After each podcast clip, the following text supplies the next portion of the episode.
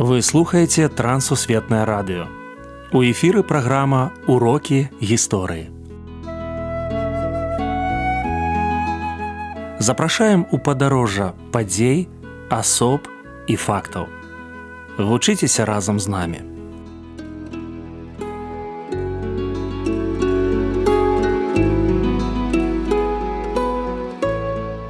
Добры дзень сябры. Перад мікрафонам сяржук брышцель і кандыдат гістарычных навук Андрусь унучак. Сёння мы пагаворам пра Масіма гарэцкага. Прывітанне Андрусь. Прывітанне сяржук. Прывітанне шаноўна слухачы. Давайте пазнаёмімся з нашым гістарычным госцем. Сённяшні гістарычны госць гэта пісьменнік, гэта літаратурны крытык, гэта публіцыст, гэта грамадскі дзеяч гэта чалавек які ствараў беларускую культуру у час нашаніўскае адраджэння гэта пачатак два стагоддзя. Гэта адзін з сімвалаў беларускай культуры і чалавек які ну стварыў прозу якую параўноўваюць ну з найлепшымі узорамі сусветнай літаратуры Масім гарэцкі стогоддзя 130годдзя якога мы сёння адзначаем абсалютна варты каб пра яго зрабіць перадачу гутарку. Шлях у літаратуру Масіма гарэцкага. Масім гарэцкі нарадзіўся ў вёсцы малая багацькаўка у лютым 1893 году у сялянскай сям'і шматдзетнай сям'і ён быў чалавекам які пазнаёміўся з беларушчынай з беларускай літаратуры праз газету наша ніва і ў газеце наша ніва таксама пачаў рабіць свае першыя публікацыі. Ввогуле ён скончыў сельскагаспадарчую вучэльню ён быў каморнікам. Каморнікам это землямерам па-сучаснаму. Ён вось это мераў зямлю і ён працаваў заўсёды з сялянамі. Ён быў чалавекам які вельмі моцна полюбіў беларускую мову беларускую культуру. Ён пачаў збіраць беларускі слоўнік і нават склаў беларуска-расійскі слоўнік такі слоўнічак. Каб можна было вось это адпаведнікі пэўныя адшліфаваць. Самага пачатку ён заявіў пра сябе як пра вельмі таленавітага празаіка. І ў прынцыпе ў гэтым ён рэалізаваўся. Таму шлях яго ляжаў праз нашу ніву Раскажыце пра асэнсаванне трагізму вайны ў творчасці Масіма гарэцкага. Вайна прайшла праз ягоную біяграфію. На, у 1914 годзе ён быў мабілізаваны ў расійскае войска і патрапіў на фронт. Ён быў у, ар у артылерійскай батарэі і атрымаў цяжкое раненне. Ён удзельнічаў у баях ва ўсходняй прусіі.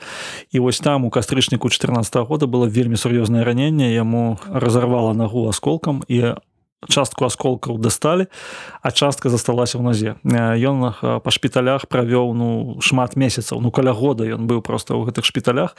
Ішла справа про тое ці будзе ён увогуле з нагой ці будзе без нагі. Ну і нават пра жыццё яго ішла справа. Так што ён быў у вялікай такой паняверцы вельмі доўгі час. У вільні ў шпіталі дарэчы яго даглядала алаіза пашкевич цётка. І э, як ён сам успамінае яна менавіта яго натхніла што што трэба далей жыць і трэба далей пісаць. Не трэба просто губляць духу. Там што складана было з яго духовым вось гэтым станам і вось прапусціўшы праз сябе вось усе гэтыя пакуты ён напісаў некалькі апавяданняў класічных і вельмі важных. Это апавяданне на імперыялістычнай вайне і апавяданне рускі. У ты у гэтых апавяданнях ён паказвае што вайна дастае знутра чалавека самыя негатыўныя рысы што вайна гэта зло само па сабе. І вось гэта яго антываенны такі маніфест. А гэта адзін аспект. А другі аспект што чалавек заўсёды павінен заставацца чалавекам на вайне ён ці ў мірны час. І вось гэты такое пасланне ён заклаў закладаў свае творы.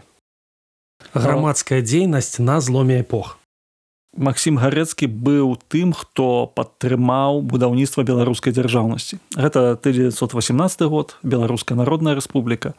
Гэта будаўніцтва беларускай школы школьніцтва і конечно беларускай прэсы. Ён быў рэдактарам як мінімум двух беларускіх газетаў. Гэта беларускія ведамасці і наша думка у вільні якія выходзілі ён пісаў пра самыя розныя аспекты. Ну напрыклад ён пісаў пра беларусізацыю царквы ён адзначаў што ну тут далёка не на апошнім месцы баптысты тому что баптысцкі прапаведнік лукажды куцьмалей ён збіраецца выдаваць беларускую евангельскую часопіс гэты вось часопіс ён павінен быў быць на беларускай мове. Сапраўды дакументы яны пацвярджаюць што каждый куцьмалей рыхтаваўся гэта выдаць ён сказаў што перакладзена евангелія зноў жа у каждый куцьмалей ён казаў што ёсць у праваслаўных беларускі календар і праваслаўныя пішуць пра францыска скарыну ён казаў што католікі прапаведуюць па-беларуску ён вось рабіў такі агляд. І ягонае самае галоўнае пасланне было што маральныя каштоўнасці беларускага народу іх захоўвае толькі святары духавенства як ён пісаў. Таму што гэтыя людзі працуюць з вечнасцю з Богом і таму ён канешне у гэтым сэнсе быў такім праніклівым ён у самую глыбіню пранікаў беларуска нацыянальнае жыцця. І разам з тым ён быў чалавекам які ўдзельнічаў у беларускім нацыянальным камітэце. Ён імкнуўся каб э, захаваць беларускую самастойнасці хаця бы культурную аўтаномію ў складзе Польшчы. Но ну, гэта яму не ўдалося польскія ўлады лічылі яго пракамуністычным ці камуністычным некалькі разоў арыштоўвалі што ўрэшце рэшт вымусіла яго пераязджаць у Менск. Цяжкі савецкі перыяд сапраўды ў савецкім перыядзе на самом пачатку ён атрымаў вялікую магчымасці для працы. Ён выдаў у менску гісторыю беларускай літаратуры хрыстаматыю по беларускай літаратуры. Ён ну сапраўды быў чалавекам паважаным. Ён працаваў у інбелкульце інституце беларускай культуры. Аднак у 1930 годзе он быў арыштаваны по абвінавачанню контррэвалюцыйнай дзейнасці ён быў высланы з беларусі вымушаны быў жыць у рассеі доўгі час і ўрэшце рэшт у 38 годзе яго асудзілі зноў расстралялі ён быў расстраляны ось недалёка ад тых мясцінаў дзе ён нарадзіўся гэта у смаленскай вобласці сучаснай але тое што яму ўдалося зрабіць гэта было вялікае багацце вялікае багацце беларускай літаратуры і нават у цяжкі савецкі перыяд ён здолеў зрабіць шмат. Урокі жыцця Што датычыцца урокаў жыцця Масіма гарэцкага, то тут мы можам казаць пра адзін такі ну, з майго гледзяшча вельмі важны момант і адзін вельмі важны аспект. Гэта тое, што ён заўсёды быў чалавекам, які імкнуўся быць карысным свайму народу, нягледзячы на тыя ці іншыя умовы. З аднаго боку ён бачыў, што няма магчымасці працаваць напрыклад у сферы там грамадскай дзейнасці ён пераходзіў у сферу культуры. Немагчыма было працаваць у сферы беларускай літаратуры ну там з розных прычынаў. Ён пераходзіў у сферу літаратурнай крытыкі.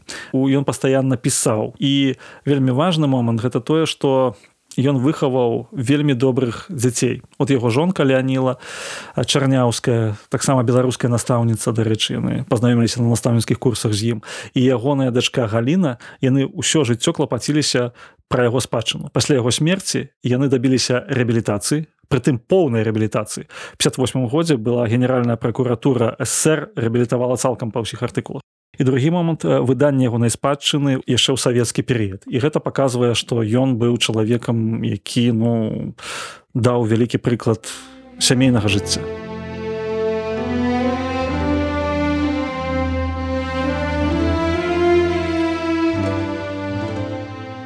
Літаратурны дэбют Масіма гарэцкага апавядання ў лазні апублікаванае ў 1913 под псеўданімам Масім беларус раннія творы гарэцкага напісаны з пазіцыі вясковага інтэлігента які ўсведамляе сваю адказнасць за лёс народа. Наш герой аўтар гісторыі беларускай літаратуры.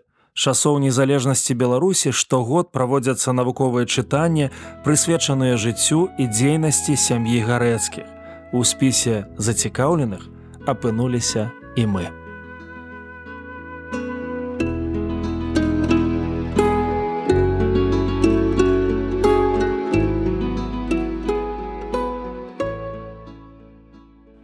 Дзякую, што далучыліся да нашага праекту. Калі ў вас ёсць пытанні, пішыце каля ласка на адрас. Трансусветнае радыё, урокі гісторыі.